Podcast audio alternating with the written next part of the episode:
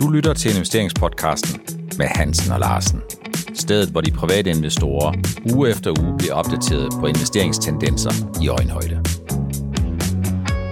Velkommen til afsnit 184 af investeringspodcasten med Hansen og Larsen. Vi skal jo igen give karakterer til de C25-selskaber, som er tæt på at have aflagt regnskab. Der mangler en lille smule, øh, men øh, vi kan i hvert fald godt konkludere på det, og det gør vi i dag. Og husk nu på, at det er sådan, at øh, der er lagt et link i beskrivelsen under de steder, hvor du lytter eller ser øh, podcasten, så kan du selv følge med i øh, de karakterer, som jeg har øh, delt ud, og som jeg jo skal høre i dag, Helge, om øh, du er enig i som den strenge sensor. Ja, vi, så, som regel er vi enige om det meste, fordi vi får snakket om de samme selskaber, øh, både før og efter de kommer med regnskaber. Men jeg vil sige, at øh, du har skrevet øh, i dit, dit indlæg, at det er en let skuffende regnskabssæson, og det er jeg i hvert fald enig i. Vi snakkede jo lidt om det et øh, par, for et par uger siden, Helge, og der var vores forventninger vel egentlig, at det skulle blive sådan okay, gennemsnitlig god regnskabssæson, men jeg vil godt tage broden af med det samme og så sige, jeg synes, der er for mange middelmodige karakterer, jeg har givet. Øh, det er ikke, fordi jeg giver middelmodige karakterer, men der er for mange middelmodige præstationer. Og så synes jeg også, at øh, vi har en situation, hvor investorerne, de har altså været noget hårde ved selskaberne. Ja, det er det år, som vi har forventet med masser af volatilitet, og så har vi, jeg ved ikke, hvor mange gange vi har brugt det her udtryk, at man hopper fra tue til tue, ikke? så man tager de gevinster, man får. Jeg tror, der er rigtig meget swing trading i år i modsætning til tidligere, og så tror jeg, at nogle af dem generelt, der er langsigtede i aktierne, de ser måske en mulighed for at komme over i obligationer, og dem, der er korte, de har måske taget nogle ture, og gevaldige ture over i kunstig intelligens. Vi laver nogle nedslag her, øh, mens vi øh, ruller ned, men jeg vil da bare lige starte med det samme og starte med det positive og sige, at jeg har tre i toppen. Jeg har stadigvæk ingen over, ingen ved siden af Novo Nordisk. Øh, William Demant øh, leverede en god guidance. De opjusterede tidligt, og nu opjusterer de igen i forbindelse med halvåret. Og så er jeg stadigvæk, Helge, imponeret over Pandora. Den, der lever stille, lever godt. Altså, nu har jeg været købmand hele mit liv, og jeg må nok sige, at jeg kan godt lide sådan et et selskab som Pandora, hvor de simpelthen laver nogle produkter, hvor de har en meget, meget god avance på. Altså, der, der er ikke meget guld og sølv i, i deres ting. Og nu har de lavet noget med, med, med laboratoriefremstillede diamanter, som er så en ny linje inden for, som kan styrke den i det brand, de har bygget op. Jamen, så kommer de med noget nyt, og det kan jeg godt lide, og det går rigtig godt med det.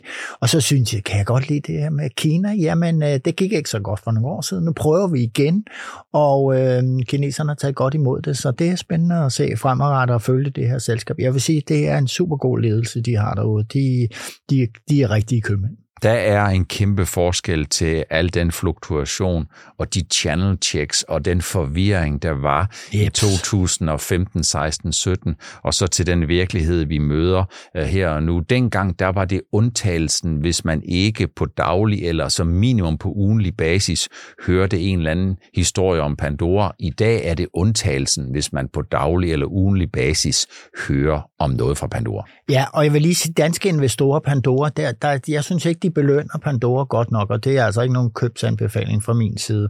Men det kan måske også hænge sammen med, at i Danmark er Pandora ikke så, efter min mening, ikke så stort stærkt brand, som det kan, måske kan være ude i det store udland. Altså, der, der er blevet slidt på brandet i Danmark, men altså, der er en verden til forskel på verden og Danmark.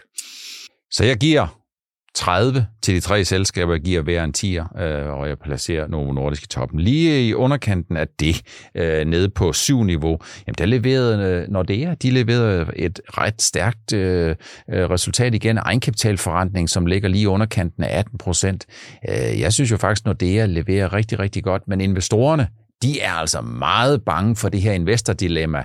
På den ene side, så kan de godt se, at de næste øh, tre år, der vil øh, banker, bankerne de vil indtjene 35-45 procent på konsensusniveau af aktiekursen, men de er meget bange for at købe ind på et, et konjunkturforløb. Og i den her scene, så er det nok øh, for første gang i 25 år en ulempe, at man er meget stor i Sverige, som jo er en økonomi, der er meget hårdt ramt. Ja, du kan jo selv tage skylden lidt, måske med, med hensyn til Nordea kursudviklingen, fordi du har været som den første første, var du jo ude og påpege sammenhængen mellem ejendomssituationen i Sverige og øh, Nordeas eksponering over for den. Og det tror jeg, at det er så blevet fuldt op siden af andre analytikere. Det tror jeg godt har en indflydelse på folk. At, jamen, vi vil gerne se, hvad der sker. Og der er ikke noget, der tyder på, at det buller afsted i Sverige netop tværtimod. Ikke? De har det noget sværere end i Danmark. De har jo den her fleksible valutakurs, som jeg også hører samtidig nogen, der efterspørger i Danmark, eller man i hvert fald efterspørger, at man øh, ser en opskrivning af den danske krone. Der er rigtig mange, der snakker om de her ting. Jeg vil stadigvæk holde fast i, at den der disciplinering, man har stillet øh, øh politikerne over for siden 82, det er en musketeret, som har tjent Danmark rigtig godt. På de følgende pladser, der har vi Rockwool. Jeg synes egentlig, Rockwool midt i noget, der er meget udfordrende, øh, klare det ret godt. Vi fik en opjustering fra Ambu. Ambu leverede en opjustering, så vidt jeg husker, øh, omkring den øh, 10. juli. De kommer jo med de øh, endelige tal. Dem kommer de først med i næste uge. Men det, som investorerne fokuserede på, det var, at opjusteringen den var for lille helge, og den skyldtes, at man kigger på de indre linjer og øh, bliver lidt mere profitabel snarere, end det er omsætningsudvikling, det driver. Og det er jo ikke godt, når man handler til nogle skyhøje og tårnhøje nøgletal. Ja, nøgletallene er jo rigtig høje, og, og, og, og netop når man som selskab har høje nøgletal, så skal man, så bliver man nødt til at, at, at, at præstere kvartal efter kvartal, for det ellers kommer i, i hvert fald så et år som 23, så, så falder hammeren. Jeg vil lige sige med Rockwool, altså vi har fået tal fra nybyggeriet i både Tyskland og i, i England, og England er en meget stor kunde for Rockwool, og det ser ikke godt ud. Mm. Og det er jo så også øh, det, man kan se, det, det afspejler sig også i deres omsætning. Og så må vi se, hvordan det går fremadrettet. Og så hele det der grønne segment, man har måske haft for store forhåbninger om, jo fordi at de lavt hængende frugter inden for, for, for den grønne sektor, det er jo, at man isolerer sit hus og, og sparer på energien. Ikke? Øh, og det har ikke slået alvorligt igennem, og det har det heller gjort med Vestas og Ørsted og alt muligt andet grønt. Uh, nej. nej. Jeg håber, der stadigvæk er lysegrønt, men ja, ja. sårene i hvert fald på kort sigt, der er de ikke villige til at køre ind på det, og man kan sige, at Rockwool har ikke været isoleret for den udvikling. AP Møller Mærsk kom med et regnskab fuldstændig efter min mening som forventet, og der kom også, de løftede faktisk guidance en lille bitte smule, men på dagen, der sendte investorerne aktien ned med 5%, selvom jeg jo synes, at det, at AP Møller Mærsk advarer om et fragtmarked i andet halvår, som ser lidt svagt ud på volumenerne, og hvor man stadigvæk er negativt påvirket den rateudvikling, der har været, det synes jeg, der er lidt overraskende, at investorerne, de sendte aktien 5% ned på dagen. Ja, det kan jeg også sådan set også godt give, det kan jeg godt give dig ret i, Per. Det, var, det, det, det undrer mig lidt, og den var vist endda endnu mere nede øh, intradag end mm. 5 procent. Ikke? Øh, det kan jeg godt, men det er de der bemærk, altså det er igen det der, vi skal tilbage til. Investorerne reagerer kraftigt, øh, og, der, og de holder jo øje med, hvad skal der gå fremover, og så siger de, at jamen, anden halvår bliver udfordrende, og det tænder lige øh, salgsknappen hos mange. Et af de selskaber, som jeg synes øh, har fået kurshammeren på den gode, eller på den ufine måde, det var GN Store Nord. Jeg synes, at hvis man kigger på GN Store Nord de sidste par år, så er vi blevet mindet om, at GN Store Nord, de har altså, når først øh, de får modvind, der er de altså ikke ret gode. Øh, og de har været udfordret med alle de ting, som vi har været inde på rigtig mange gange. Men den nedjustering, der kommer, som jo handler om audio. Ja. Og den der positive præcisering, som handler om hearing, der synes jeg alt andet lige, at investorerne har altså været noget harske. Jeg giver en 4, og en 4, det er jo sådan nogenlunde bestået. Det er ikke fremragende, men det er heller ikke katastrofalt. Men jeg synes, investorerne, de går lidt hårdt til stålet, når de er sådan, de sabler aktien ned. Er det sådan et udtryk for, Helge, bare at elastikken den bare er sprunget for nogle af de selskaber, som ikke leverer top dollar?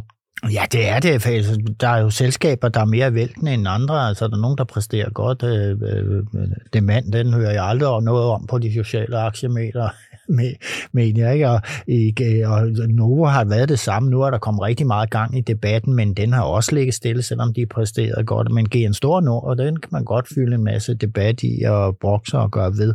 Der er det, det, den er overfølsom over for, for, for det, der kommer ud, og så reagerer øh, investorerne negativt. Jeg vil sige, basisforretningen er hearing. Altså, og det kan man se med demand, og de har jo begge to fremgang, de her to selskaber på det her område, og gør det rigtig godt. Så for mig drejer det sig om, at GN står noget, jamen det man skal skære forretning til, at man skal have finansieringen i orden og sådan noget lignende, og så, så, så slipper, for, hvad nu det hedder, øh, en shorteren måske tolleren på et tidspunkt, og det hjælper jo også på, hvordan det ser ud, når man aflægger regnskaber. For mig er det lidt underligt, at selve den der idé, som blomstrede hos nogen for et par måneder siden, nemlig med en fusion mellem Demand og GN, ikke har fået ny næring. Og det er jo ikke fordi, at jeg ikke kan se, at øh, det er to selskaber, som øh, ikke er på samme niveau, men det er fordi, at Demand øh, mangler noget, som... Ja, de kunne godt... Ja. Øh, de, de har jo også store udfordringer med at få profitabiliteten ind i deres communications. Til gengæld så leverer de simpelthen bare stilsikkert, og de kunne sagtens, tror jeg, håndtere GN, sådan så man kunne få en meget, meget stærk situation ud af det, og lave den der turnaround inden for communication eller inden for audio. Ja, det, Per, det kan jo have noget at gøre med, at man kigger på, på den forretning, man har, og så tænker på, eh, kan vi, kan, kan vi rumme sådan en stor bid? Mm. Øh, det, det er jo det er trods alt meget for demand, hvis de skulle gå ind i begge dele. Ikke? Mm. Altså, øh, man kan jo kigge på, har man øh, i de her tider, der er nu, har man den nødvendige ledelseskapacitet, øh, og kan man få den med ind. Ikke? Ja, nu må det, vi se. Det er ikke en anbefaling om at købe eller sælge hverken Dement eller GN Stor Nord eller spekulere i en fusion. Jeg er bare lidt forbavset over, at man, at man ikke fokuserer lidt mere på det. Dement sagde jo også, at øh, de ville lige kigge lidt på, om deres øh, netto-gældsætning nu var kommet så langt ned, at de kunne lave et aktietilbagekøb i andet halvår. Og det betyder jo, at de har en finansiel frihed, øh, som gør dem i stand til at reagere på noget, hvis muligheden opstår. Husk nu stadigvæk på, at holdingselskabet er jo 10% plus aktionær ja, ja. i GN Stor Nord. Den grønne omstilling, den kører jo forhåbentlig videre, men jeg skal godt nok love for, det er tomgang, og investorerne, de har fuldstændig tabt. Om ikke sutten, så har de tabt humøret. Øh, Vestas leverede et regnskab, som var nogenlunde som forventet. De fastholder forventningerne, men det skyldes nok, at de har fået lidt, de er blevet lidt mere service-minded i den forstand, ja, service at service, kører, fylder, ja. service, service kører rigtig godt. Det er stadigvæk svært at tjene penge på møllerne. Ordreindgangen er stadigvæk sådan lidt til den svage side og svarer nogenlunde til det lave niveau i anden kvartal 2022. Ørsted leverer også nogenlunde som forventet, men investorerne, de sender aktiekursen ned, og det er jo bare et par måneder siden, Helge, at vi øh, snakkede om og gentog senere, at Ørsted har faktisk opjusteret deres forventninger for det langsigtede afkast af investeret kapital, men investorerne er lidt nervøse, og jeg tror øh, stadigvæk, at det, som ligger lidt, øh, det er jo, at investorerne er lidt nervøse for det der, som vi har haft op tidligere, nemlig at når man skal stille havvind op, eller man skal stille nogle af de her øh, aktiviteter op, så skal man betale øh, sådan, så man bliver både, så man kan tilfredsstille den grønne finansminister, der både får penge i kassen, øh, og også øh, kan sørge for at medvirke til den grønne omstilling. Men problemet det er sådan lidt ligesom i, øh, for 20-25 år siden, da teleselskaberne de skulle betale mange penge for sådan en UMTS-licens. Ja. Jo flere penge du skal betale for en licens, jo mindre kan du købe og bruge på netværksudstyr. Jo mindre du kan bruge på netværksudstyr, jo langsommere ruller du dit netværk ud, og det er sådan nogle af de reminiscenser, jeg Jamen, også Vi står jo så i en, en situation, hvor med stigende renter, råvarerne, de, ja, det kan da godt være, at de falder lidt, stålpriserne og så videre, men der, der, der transport er jo også stadig dyr, ikke? Så, det, det, det, så når du skal ud i de her store investeringer, så kigger man hele vejen rundt, og det der, de høje licenspriser, det, ja, og, og, og så afgifterne, der kommer på den strøm, der bliver produceret efterfølgende. Hvis de er for høje, så, så kan jeg godt forstå, at der er nogen, der, der venter med at gå ind i markedet. Novozymes, Novozymes leverede en lille nedpræcisering, men ikke nogen katastrofe efter min mening, men jeg skal love for investorerne, de har fuldstændig tabt øh, tilliden til Novozymes, som er under 300, og aktiekursen står jo bum stille eller kører baglæns, og hvis man kigger på kursvægningen de sidste 3-5 år, så er det jo rigtig, rigtig trist. Hvad skal vi sige om det, Helge? Ikke andet end, at jeg har jo snakket om Novozymes og Christian Hansen, altså den her fusion her, og flere gange og meget positiv om, og, i den sammenhæng, på sigt, altså fra 25 og så frem efter, når man begynder at se synergieffekterne af det her. De bevæger sig i et område i det her med de her sunde baktusser, som er virkelig, der er levenskabeligt, eller fantastisk stort fokus på det her. Så, øhm, og det er jo ikke kun til mennesker, det men også til, til dyr, ikke inden for, for for eksempel svin og kylling og alt muligt andet. Altså, det er og der, de, de er stærke begge to, men især Christian Hansen på, på det her område med det medicinske. Ikke? Så det, jeg forventer mig rigtig, rigtig meget af den her fusion på det område. Øh, men øh, jeg må nok indrømme, jamen, de er kortsigtede investorerne i, i år. Øh, det er de simpelthen, ikke? Og de lytter måske ikke, øh, de lytter måske mere til til hvad støjen i markedet, end mm. det at kunne se igennem, at nu gør man efter, det er så efter min mening, og ikke nogen anbefaling om at købe hverken Novozymes eller Christian Hansen, men nu er der to gode virksomheder, der fusionerer. Netcompany leverede den øh, faktisk okay på omsætningsvæksten. De skuffer lidt på profitabiliteten. Jeg synes, at øh, aktien er blevet fuldstændig sablet ned. Og for mig, der er det et vidnesbyrd om, at øh, Netcompany stadigvæk skal lidt tættere på investorerne og forklare, hvordan de periodevise udsving de er.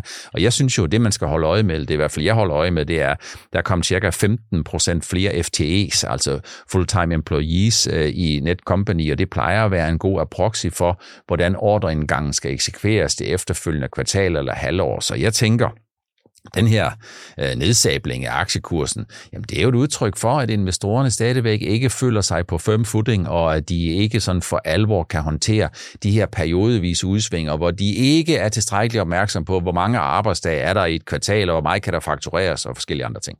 Du har fuldstændig ret. Det er, og du popper er også noget, der er vigtigt for, at man skal forstå for den her øh, type selskaber, som Netcompany er. Det er blev rigtig, rigtig svært at få dygtige medarbejdere, der kan sidde øverst og designe de her ting og holde kontrol med, med alle de regler. Og, altså, der skal være så meget sikkerhed i dag om de store systemer, Netcompany laver. Og man, der, der kan man ikke gå til Ukraine eller Letland og Litauen eller ud i Asien og finde øh, øh arbejdskraft, der er dygtige nok. Øh, øh, man kan få masser af koder, øh, robotsarbejde til at lave priser, men de rigtig øh, gode folk, der kan lave de her systemer, overskue systemerne, dem er der virkelig rift om. Altså, mm. de slås jo med arme og ben, USA og Vesteuropa og det her, og Kina, om at få fat i de der gode folk, der kan det her. Og det vil også afspejle sig, det har vi jo også set, det vil afspejle sig i de her lønstigninger, der er. Og det, Netcompany kan så lede under, at det skal så svært at få folk, og dem de får, skal de også betale en stor pris for. Mm. Det er sådan ligesom problematikken der. Men så må vi jo satse på, at øh, Danmark er digitalt øh, i førersædet inden for offentlige systemer, og det tror jeg vil smitte af på Netcompany de kommende år. I hvert fald øh, England og Tyskland er oplagte markeder, hvor man kan, kan, kan køre løs med det her, men også længere ned i Sydeuropa.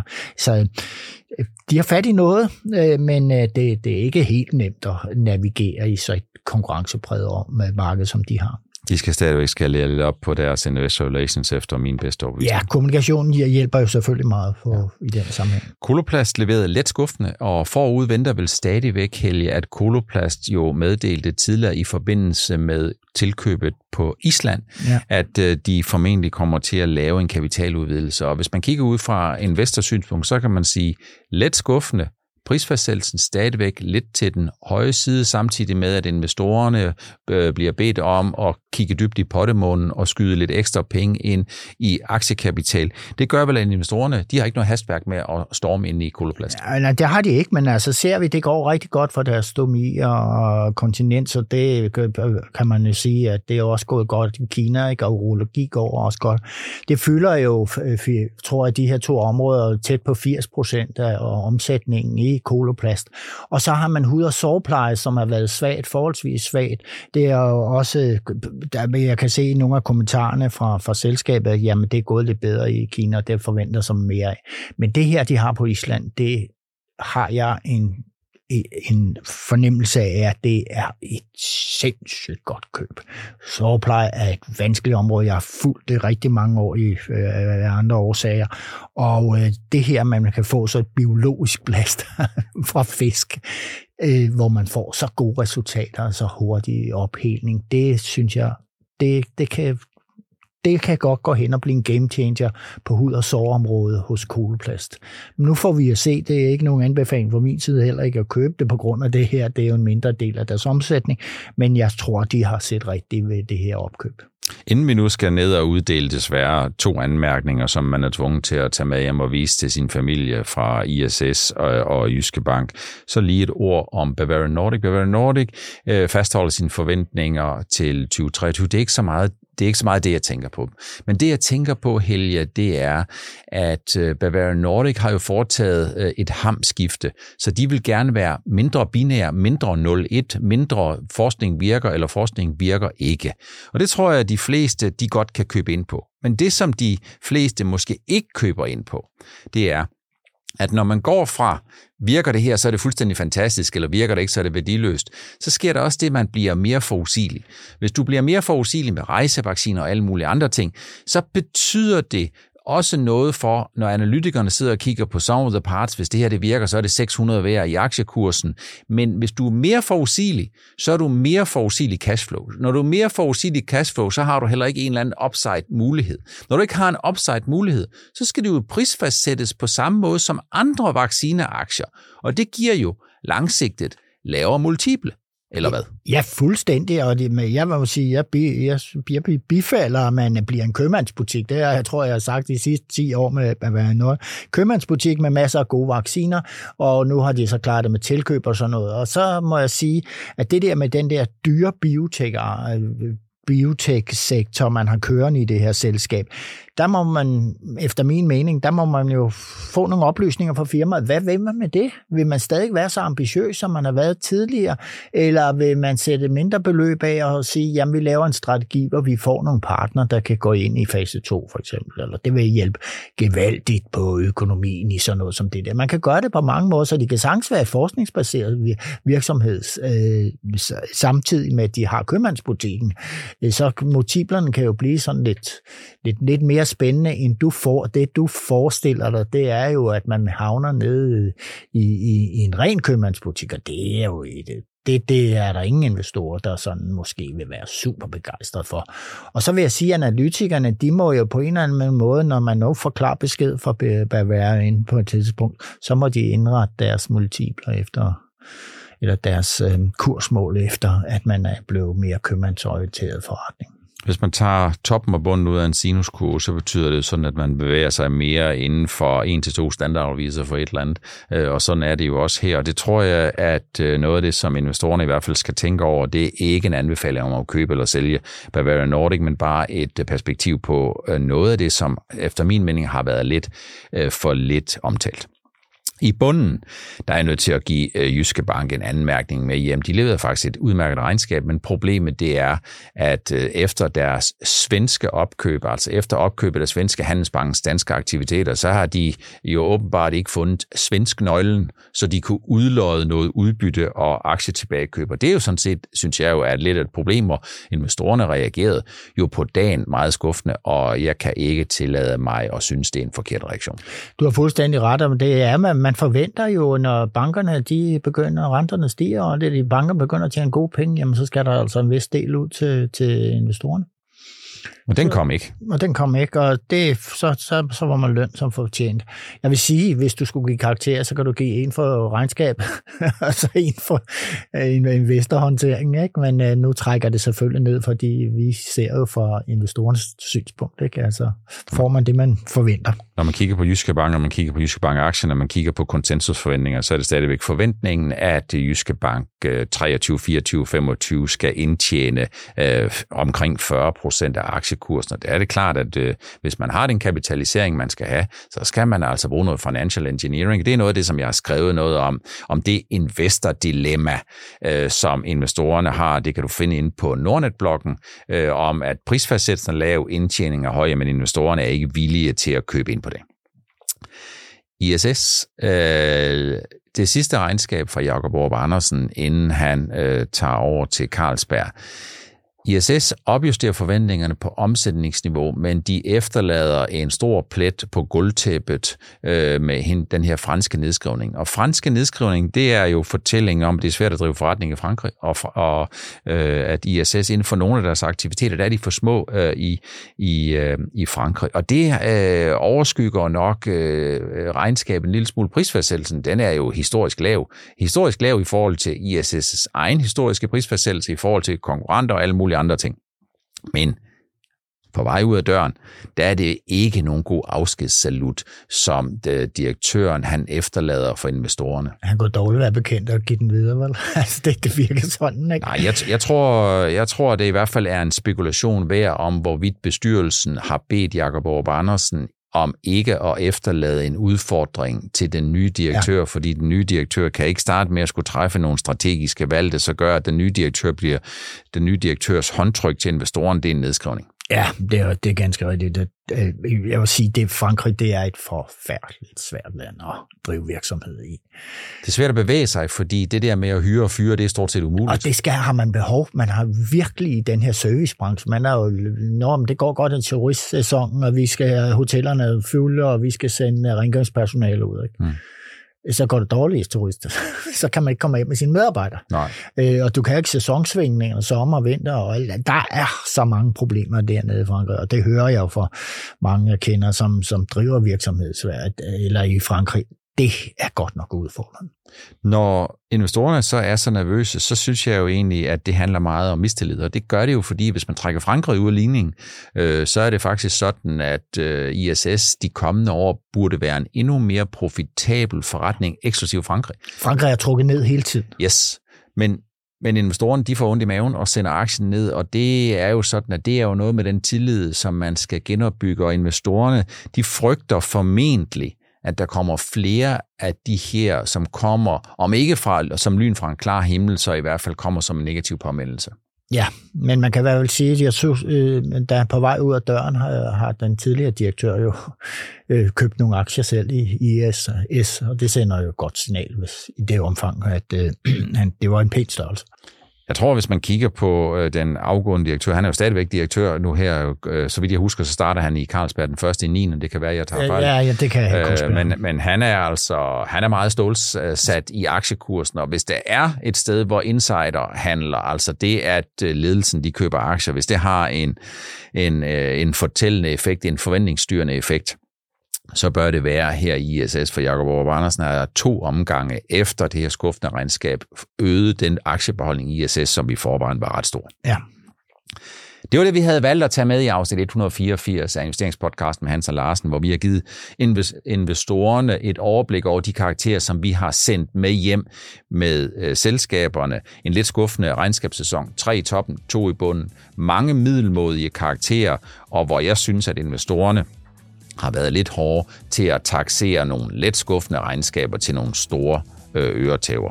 Tak fordi du stadigvæk følger med og synes, det er interessant at blive investeringsopdateret på det, der sker på de finansielle markeder på lige under kanten af 30 minutter. Vi ses og høres ved i næste uges afsnit 185.